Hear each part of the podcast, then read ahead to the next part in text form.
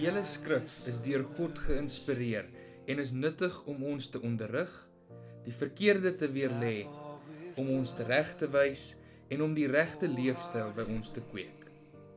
Dit is God se manier om sy mense voor te berei vir hulle taak, ten volle toegerus vir elke goeie ding wat hy wil hê hulle moet doen. Jy luister nou na 'n opname van een van Simfonie se preke.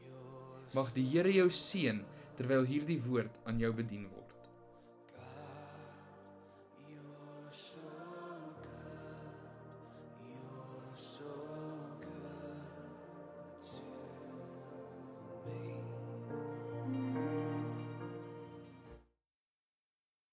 Mag die Here vandag ook sy woord aan ons harte seën. Kan jy jou Bybel oopmaak by Matteus 13 asseblief? Matteus 13 vanaf vers 13. Matteus 13 verskoon tog vanaf vers 3. Ek het dit nie op die skerm vandag nie, so jy kan dit op jou foon lees of jy kan dit lees in jou Bybel. Matteus 13 vanaf vers 3. Ek lees die Nuwe Afrikaanse vertaling. Ek wil so graag met jou praat vandag. Watter tipe grond is jou hart? Watter tipe grond is jou hart? En kom ons kyk die gelykenis wat Jesus vertel het. Hy sê daarvan vers 3 af. Hy het hulle baie dinge in gelykenisse vertel en onder andere gesê: 'n Saaier het eendag gaan saai. Met die saai het 'n deel van die saad op die pad geval en die voëls het gekom en dit opgepik. 'n Ander deel het op die klipbanke geval waar daar nie baie grond was nie en dit het gou opgekom omdat die grond nie diep was nie. Maar toe die son warm word, is dit verskroei en omdat dit nie wortel geskiet het nie, het dit verdroog. 'n Ander deel het tussen die onkruid geval en die onkruid het opgekom en dit laat verstik.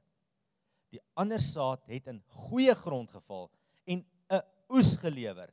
Party 100voudig, ander 60voudig en ander 30voudig. Kom ons lees ook van vers 18 af. Luister julle dan na wat die gelykenis van die saaier beteken. Die bose kom by elkeen wat die woord van die koninkryk hoor, maar dit nie verstaan nie en dan vat hy dit weg wat in die hart gesaai is. Dit is hy by wie daar op die pad gesaai is. Die man weer by wie daar op die klipbanke gesaai is, is hy wat die woord hoor en dit dadelik met blydskap aanneem. Hy laat dit egter nie by hom wortel skiet nie en hy hou nie lank uit nie. As hy ter wille van die woord verdruk en vervolg word, word hy gou afvallig. Die man by wie daar tussen die onkruid gesaai is, is hy wat die woord hoor, maar die bekommernis van die lewe en die verleidelikheid van rykdom verstik die woord en dit bly sonder vrug. Die man by wie daar op die goeie grond gesaai is, is hy wat die woord hoor en dit verstaan. Hy dra inderdaad vrug en lewer oes, soms hou 100voudig, soms 60voudig en soms 30voudig. Mag die Here sy woord aan ons harte seën vanmôre. Nou hierdie storie wat ons vandag lees, gaan in die eerste plek nie oor die kwaliteit van die saad wat gesaai word nie. Dis goeie saad wat hier gesaai word. Die Die die saad is die woord van die koninkryk. Dis die Bybel. Dis die woorde van God. Dis die Heilige Gees se inspraak in jou hart. Dis die invluisteringe van die Heilige Gees in jou hart. Dis die werking, die betrokkenheid van God in jou hart. Die saad is goed. Die saad is perfek. Die saad is in staat om 'n honderdvoudige oes na vore te bring. Kan ons amen daarop sê? Die storie hier gaan ook nie eintlik oor die saaier nie. Ons sien hierdie saaier is 'n goeie saaier. Hy saai, maar een ding wat ons van hom optel, hy's nie synig nie. Hy saai oral, enige plek. Hy saai op goeie grond. Hy saai daar waar die onkruid is. Hy saai op die klipbanke, hy saai in die pad, hy saai oral. Hy saai ruim, koestig, oordadig, saai die saaier en die Here is die saaier wat na mense toe uitreik in hierdie wêreld. Kan ons amen sê? En wat vandag na my en jou hart uitreik met sy woord en met sy liefde en wat in ons harte en in ons lewens wil werk. Die saaier is goed. So die storie gaan nie in die eerste plek oor die saad of die saaier nie, maar die storie hier gaan vir ons eintlik oor die grond. Dis wat Jesus by ons harte wil tuisbring. Maar hierdie grond, hierdie hartsgrond is veranderlik. Dis wisselend. Dit kan verskillend wees en die grond beeld ons harte, ons siele, ons innerlike mens, ons geestelike binnekant mens uit. En as die grond sleg is of geslote is, is daar nie vrug nie. Is daar 'n doodsheid. Maar as hierdie grond goed is, ontvanklik is, is daar oorvloedige lewe. Halleluja.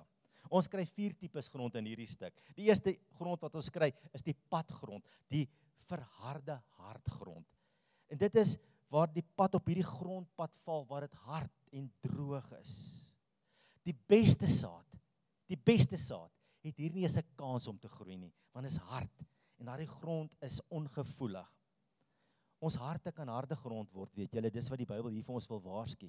Dat ek en jy, kind van God of nie, het die vermoë dat ons harte kan hard word. Jesus leer dit. Hy sê ons harte kan hard word. Hoe kan my hart hard word? My hart kan hard word deur seer kry. My hart kan kan kan hard word deur teleurstelling in die lewe, drome wat nie waar geword het nie, wonde wat ek gekry het, verwerping wat ek beleef het in my lewe, einas wat ek gekry het, mense se ongevoelige optrede teenoor my, die lewe wat nie vir my uitgewerk het soos ek dink die lewe gaan vir my uitwerk nie. Die lewe het my hier en daar gestamp. En dit kan alles bydra dat my hart hier binnekant, my binnekant 'n harde plek word. 'n Harde ongevoelige grondpad word hier binne in my. Die wiele van die lewe, daai groot wiele van die lewe het dalk oor my gery. Een keer, twee keer, heen en weer, dalk al 100 keer oor my lewe gery. En eers het ek hier binne begin kwaad word. Eers het, het ek hier binnekant my hart begin toesluit. Eers het ek wantrouig begin word, agterdogtig begin word, bitter begin word, sinies begin word. Ek het begin onttrek. En jy bou 'n harde muur, 'n dik harde muur rondom jou. Dat mense nie by jou kan uitkom nie. Dat God nie by jou kan uitkom nie, want jy wil al die harde goeters, al die lelike goed net buitekant hou. Maar deur dit te doen, bou jy eintlik ook 'n skans dat God se liefde en woord ook nie by jou kan uitkom nie. Kain was die eerste man op aarde, die eerste mens op aarde wie se hart hard geword het. Eerste mens. Hy sien sy boetie Abel offer en die Here aanvaar sy offer. Jy onthou mos in die kinderbybels Abel se rook het so reg op opgegaan. en Kain se rook het so gedwarrel. Dis hulle gesê net nou weet hoe die Here die offer aanvaar het. Daar's baie spekulasie hoe hulle geweet het die offer was aanvaar, maar hulle het geweet. Gewoonlik het die Here met vuur uit die hemel geantwoord. Maar die Here het Abel se offer aanvaar, maar nie Kain se nie. En Kain het jaloers geword, geestelik jaloers. Julle daar's geen groter jaloesie as geestelike jaloesie nie, glo my vandag. Daar's 'n jaloesie wat wat in hierdie man was. En en hy hy hy, kon sy broer nie meer staan nie. En hy en hy het hom doodgemaak. Sy eie bloed. Sy eie boetie saam met wie hy gespeel het, het hy later doodgemaak. 'n Verharde hart laat jou snaakse goed doen. Josef se broers se harte was verhard teen hom gewees. Hulle het na hierdie ouetjie gekyk. Hy het altyd gespog het oor sy drome. En hy het daai mooi jas aangetree en hy was pappa se lieflingsseun en hulle moes al die harde werk doen. Maar Josef, hy het altyd die lekkerste kos gekry. Hy het altyd 'n groter Kerspresent gekry as die ander. En sy broers het die binnekant 'n wrok begin opbou teen hom. Hulle het hard teen hom begin word. Hulle het ongevoelig teen hom begin word. En wat het hulle gedoen op 'n dag? Hulle het hom gegryp, het hom in 'n put gegooi, hulle het hom verkoop en hulle gaan jok vir hulle pa. Hulle het gelieg vir hulle pa en gesê: "Pa, 'n wilde dier het hom sekerlik gevang. Hier's die klere, sy bebloede klere." En hulle het hulle pa in smart ingedompel. 'n Harde hart laat jou baie verkeerde goed doen en dan regverdig hulle hulle self. Dis nogal 'n ding van 'n verharde hart. 'n Verharde hart kan baie goed doen en sê en jou vinnig self regverdig. Hulle verharde harte het hulle op paaie gevat wat hulle nooit gedink het hulle sou loop nie. My verharde hart sal my op 'n pad vat waar ek nooit wil loop nie. Hy sal my na 'n eindbestemming toe vat waar ek nie wil uitkom nie, 'n verharde hart. Verharde harte kan lei dat 'n man en 'n vrou getroud is, maar nie met mekaar in die huis praat nie. Julle ken mos daai koue. Ek weet julle weet glad nie nou waarvan ek praat nie, okay? Ehm um, maar kom ek verduidelik gou-gou vir julle. julle weet mos daai stilstyp is. Actually jou emosioneel martel in hierdie huis. En as jou maat so bietjie na jou nader kruip om in die aand aan te neem 'n bietjie toenadering te soek.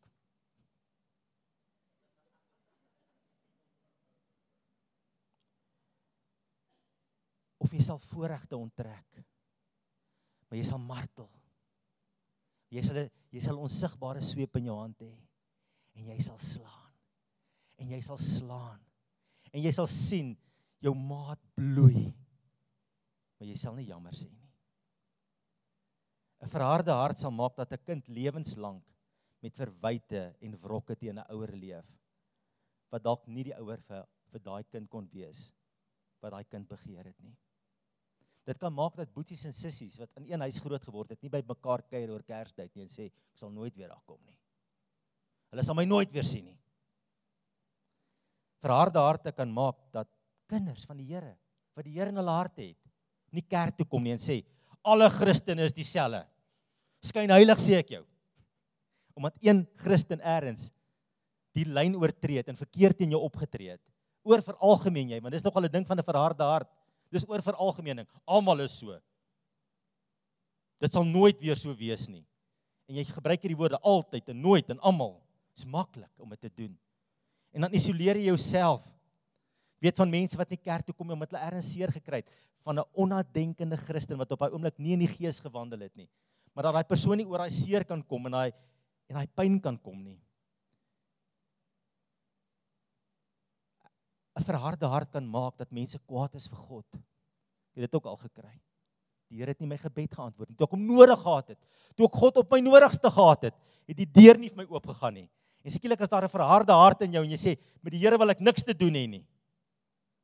'n Verharde siel 'n verharde hart is een van die swaarste dinge in jou lewe om te dra. Dis 'n ongelooflike moeilike ding om in jou binnekant te dra. Dis 'n gewig wat jou aftrek in dieptes van donkerte. En geen mens is bedoel om daar te leef nie.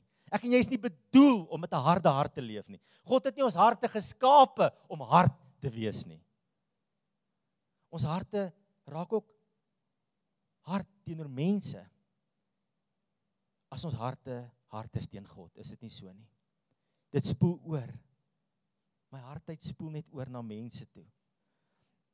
My hart raak ook hard teen die Here as ek nee sê vir hom. Ek lees die Bybel en die Heilige Gees sê vir my gaan gee vir daai persoon ietsie of gaan sê jammer of gaan vergewe. En ek sê op daai oomblik net vir die inspraak van die Heilige Gees nee. En jy weet elke keer as ek vir die Heilige Gees nee sê, dan word dit die volgende keer makliker om nee te sê. En sonder dat ek weet, elke nee wat ek vir die Here sê, as die Here vir my sê, gaan doen daai ding of stop hierdie ding. En elke keer sê ek nee, nee, nee. Skielik begin daar 'n kors, 'n grondpad in my hart vorm.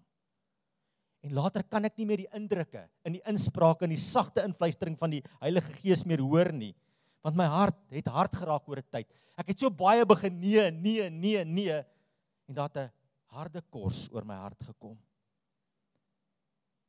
En dan kan die woord in my hart val. Ek kan in 'n kerk sit waar 'n preek na my toe kom. En die saad val op hierdie grondpad en omdat my hart hard is, kan dit nie ingang vind nie en die duiwel kan dit kom wegvat. En dit wat my lewe kon verander het, en dit wat my huwelik kon verander het, en dit wat my finansies kon verander het, en dit wat my toekoms kon verander het, en my eindbestemming kon verander het, en wat my 'n beter mens kon gemaak het, en wat my kon lei in God se plan, kan nie ingang in my hart vind nie. Want my hart is hard. En daai oomblik van verandering mis ek. Daai oomblik mis ek omdat my hart hard is. Ek weet nie wat in 2019 met jou gebeur het nie. Maar ek wil jou vandag vra want ek moet die vraag vir myself afgevra terwyl ek die preek voorberei het.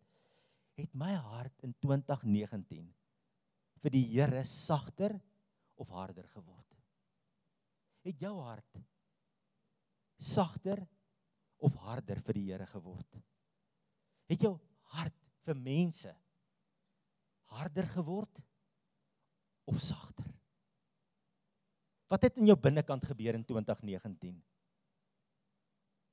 Jy sien harde harte maak dat ek maklike ongevoelige opmerking kan maak en nie twee keer daaroor dink eers nie. Ek voel nie eens meer sleg daaroor nie. Ek kan die hardste ding vir my vrou sê en ek kan wegloop asof niks gebeur het nie.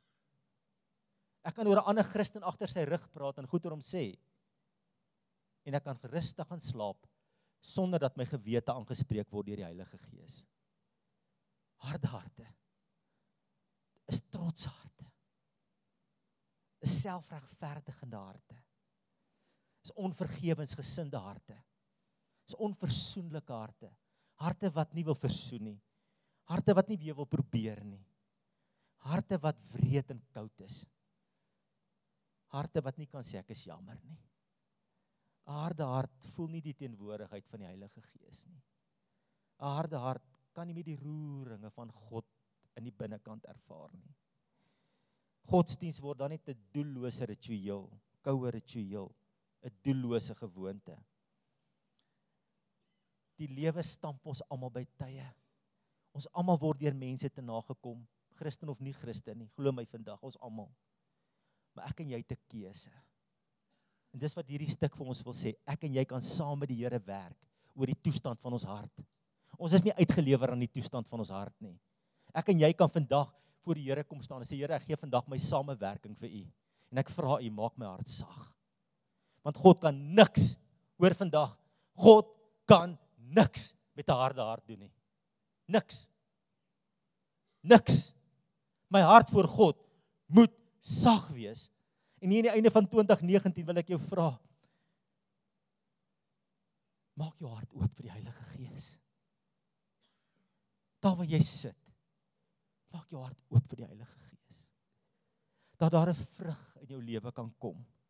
'n Oes, as hierdie saad van God se woord, van God se Gees, van sy werking in jou lewe val, dat dit 'n oes van liefde en vrede en hoop en lofprysing en bruikbaarheid en vreugde en en en vryheid en oorwinning dat daai oes in jou lewe losbreek.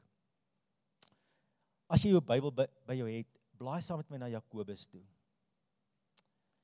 Jakobus 1 vers 21. En hoor wat die wat die woord van die Here ons uitdaag om te doen as kinders van die Here. Hy sê daarom moet julle alle sedelike vuilheid en ongeregtigheid opruim wat so welig tuur en ootmoedig. Die ou vertaling sê en sagmoedig die woord aanneem wat God in julle geplant het. Want die woord kan julle red. So hierdie stukkie vertel ons die landbouer van die hemel, God het gekom en daai saadjie in my hart kom sit. Hy daai plantjie in my hart kom plant. En hy sê nou moet jy sagmoedig wees dat daai woord in jou hart kan groei. Kan ons amen sê? Halleluja vir sagte harte wat die Heilige Gees ons. Kom ons gee hom 'n lof op in hierdie plek. Hy maak harde harte sag. Halleluja. Die tweede tipe grond wat ons kry is is nie net harde grond nie, maar dit is oppervlakkige grond. Dit is waar hierdie saad op die klipbank geval het. In die, in die prentjie daar's dis 'n klipbank met net 'n klein bietjie grond. En hierdie grond is nie diep genoeg dat hierdie plantjie 'n gesonde wortelstelsel kan ontwikkel nie. En hierdie plantjie verdroog gou. Hy groei vinnig, maar hy verdroog ook gou. Veral as daar 'n bietjie moeilikheid kom. Hier word gepraat van van vervolging en verdrukking en veral as hierdie harde son op jou skyn, dan verwelk hierdie plantjie so vinnig. Ek, dink een van die grootste goed wat ek gevind het ek persoonlik teen moet waak is hierdie ding wat ek hier nou met julle wil oor praat is om nie 'n oppervlakkige Christen te raak nie. Om nie 'n oppervlakkige Christen te wees nie. Want as ek oppervlakkig is, leer hierdie stuk my, het ek geen deursettingsvermoë nie. As ek 'n oppervlakkige verhouding met God het, dan gaan ek nie klaar maak waar ek begin het nie. Ek gaan begin as 'n Christen, opgewonde, maar die lewe gaan dalk met my loop en ek gaan een of twee teleurstellings kry en dinge gaan met my gebeur en eers gaan ek hier voor sê dis nie die moeite werd om die Here te dien nie en ek gaan die wedloop nie volëindig nie en ek gaan die kroon van die lewe nie beerwe nie 'n oppervlakkige Christen kan nie die reisies van hierdie Christelike pad klaarmaak nie ek moet 'n Christen wees waar daar dieper grond is dieper grond in my hart is anders dan gaan ek net 'n entjie 'n Christen wees en eers gaan ek dan net ophou. 'n Oppervlakkige Christen. Dit gebeur wanneer ek meer behep is oor wat God vir my moet doen as die verhouding wat ek met met hom moet hê. Ek is so ek is so so besorg oor wat hy vir my moet doen dat ek nie my verhouding met hom verinnig nie. Ek ek ek ek sien God amper as iemand wat net my goed moet doen. Ek moet net by hom kry. Maar my verhouding met hom is nie die middelpunt van alles nie. Natuurlik is die byvoordele van 'n kind van God. Die Here gaan vir my voorsien en die Here gaan vir my deurdra en hy gaan vir my deure oopmaak en hy gaan my guns gee, maar dis nie die kern nie. Die kern is 'n verhouding met hom en of hy dit nou vir my gee of nie, ek het nog steeds 'n verhouding met die Here en dis wat saak maak. Ek sal nooit vergeet nie, ek was 'n jong pastoortjie en ek gaan doen huisbesoek by hierdie ou, julle en ek stop by hom. Nou daai jare, luister as jy 'n karavaan en 'n boot gehad het Was jy 'n gemaakte man al het jy vir daai tyd Wesbank baie geld geskuld, okay, maar jy was 'n gemaakte man as jy 'n karavaan en 'n motorboot gehad het. En ek kom by hierdie ou en hy het 'n karavaan en 'n boot en 'n bakkie, daai jare smart bakkie, hoor. Maar hy rou skwaad vir die Here. Want sy lening is nie goedgekeur dat hy 'n beter bakkie kan koop nie. Hy's vies vir die Here, hoor, oor die feit dat die Here nie vir hom 'n beter bakkie wil gee nie. Ek onthou hoe geskok ek huis toe gery het van hier uit 'n karavaan en 'n boot en 'n bakkie. En hy's kwaad vir die Here omdat die Here nie vir hom 'n beter bakkie wil gee nie. Ek kan nie glo dat iemand se verhouding so oppervlakkig met die Here kan raak nie. Jy sien oppervlakkige verhouding met die Here, dan gaan dit meer oor die seun as die seëner. Dit gaan meer oor die voorsiening as oor die voorsiener. Dit gaan meer oor die hulp wat ek kry as oor die helper. Is dit nie so nie? Dit gaan meer oor die gawe as oor die gewer. Oppervlakkigheid gebeur wanneer ek sê ek gaan naby die Here leef, maar nie te naby nie. Ek gaan die Here lief hê, maar gaan hom nie te lief hê nie. Ek gaan die Here dien. Maar maar maar nie met my hele hart nie. Ek gaan my lewe vir die Here gee, maar nie 100% nie. Ek gaan die Here gehoorsaam. Ja, ek gaan hom gehoorsaam. Maar tot waar dit vir my ongemaklik word. Oppervlakkige Christen wees is die plek waar ek maklik julle maklik die Here verloon. Vra maar vir Petrus in Matteus 26 hier van vers 58 af. Ehm um, waar waar daar die volgende staan. Onthou julle Jesus is op pad om gekruisig te word en dan lees ons die volgende in vers 58 in Matteus 26. Petrus het op 'n afstand agter Jesus aangegaan tot by die binnehof. Petrus het op 'n afstand agter die Here aangegaan. En ek het in my eie lewe gevind hierdie op 'n afstand is die gevaarlikste plek waar jy in jou lewe kan wees om nog steeds agter Jesus aan te gaan, maar op 'n afstand. Want dit is in hierdie afstand wat die duiwel jou potjie. Dis in hierdie afstand dat hy jou paai lei waar jy nie gelei wil word nie. Petrus het die Here gevolg, maar op 'n afstand. Die Here wil hê Petrus moes by hom gewees het, naby hom gewees het. Maar sien, daai afstand is die terrein van oppervlakkigheid. En dis waar daar nie diepgang in my lewe is nie. Waar my Christelike invloed vir Jesus oppervlakkig is. Alles wat ek aanpak is oppervlakkig. Die impak van my lewe is oppervlakkig. Die indruk wat ek maak op my vrou vir Jesus is oppervlakkig. Die invloed wat ek op my kinders het is oppervlakkig. Die invloed wat ek op jou het is oppervlakkig want my verhouding met die Here het vervlak. En dit dis 'n ding wat ek baie myself moet sê, George, jy moet dieper. Jy kan nie bly waar jy nou is nie. Jy moet dieper in die Here ingaan. Jy kan nie nou op hierdie vlak bly nie. Die Here wil jou verder vat.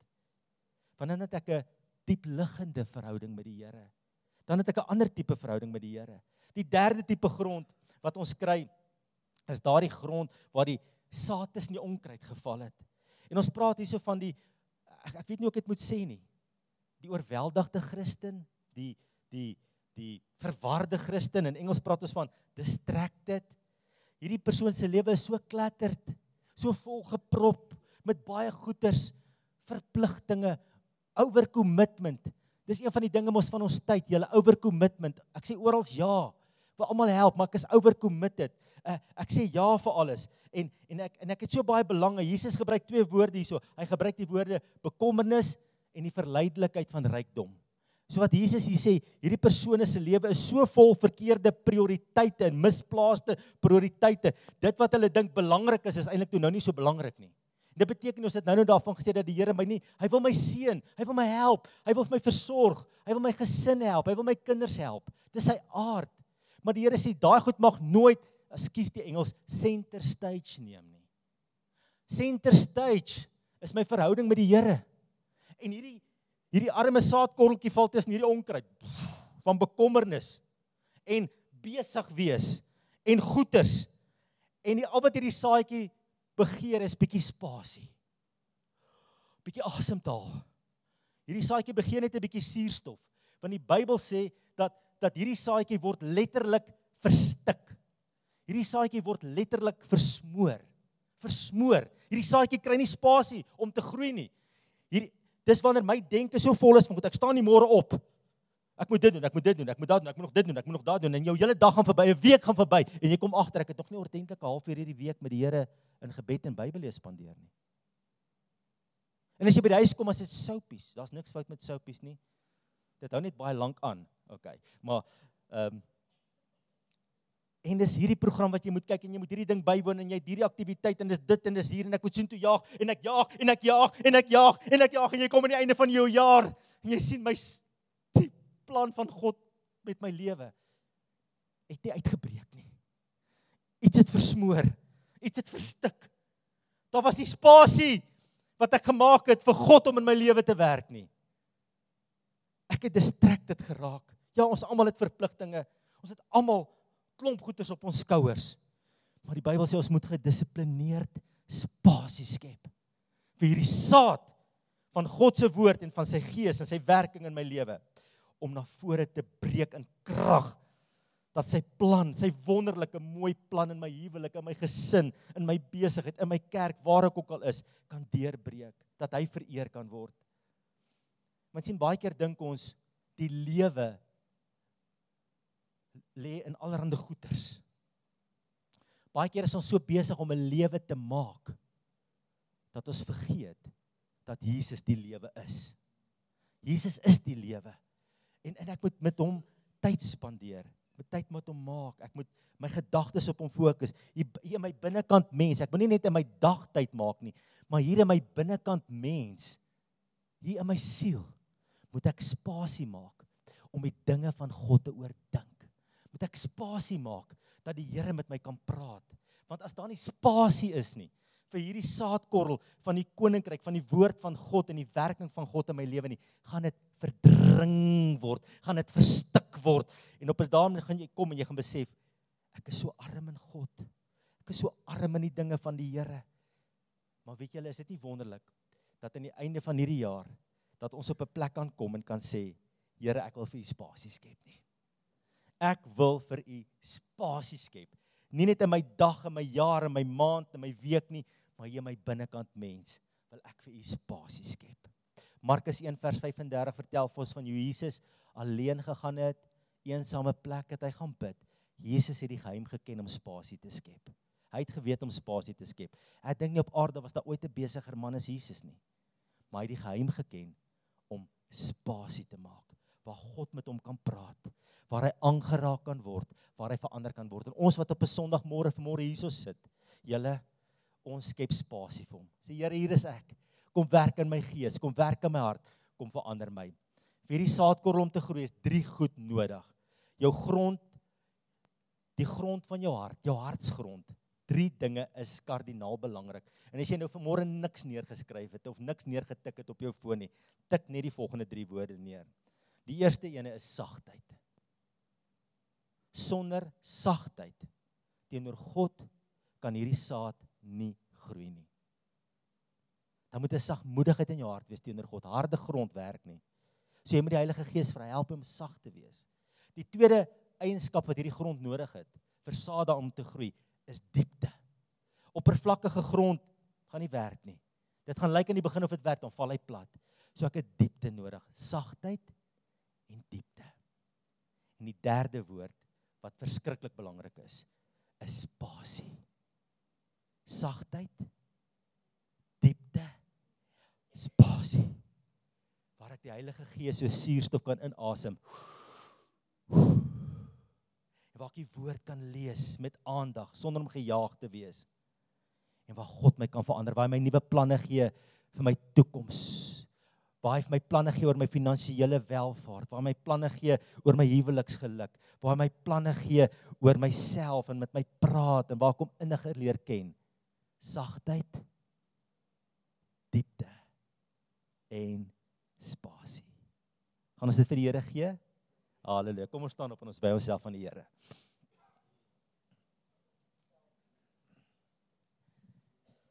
Ja, kan die aanbiddingspan na vore kom?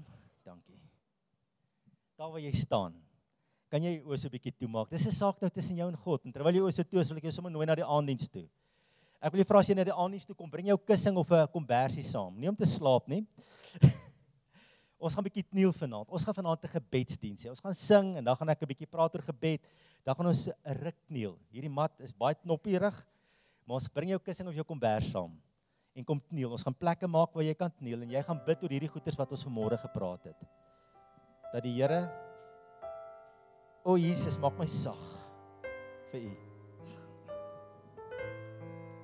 Soms is ek so hard vir U. Dan klop jy by die deur en ek hoor nie. Vergewe my. Vergewe my.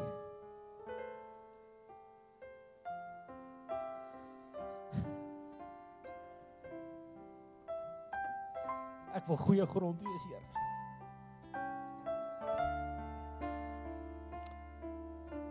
Help hom nie oppervlakkig te wees nie. En help my om spasie vir U te skep om in my lewe te werk.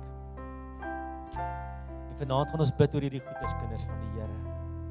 En ander goed ook voorbidding doen en 'n great aand van gebed wees. Kom net soos jy is. Bring iemand saam ons gaan bid vanaand. Kom ons sing saam met hierdie aanbiddingspan en wy jouself aan die Here daar waar jy staan.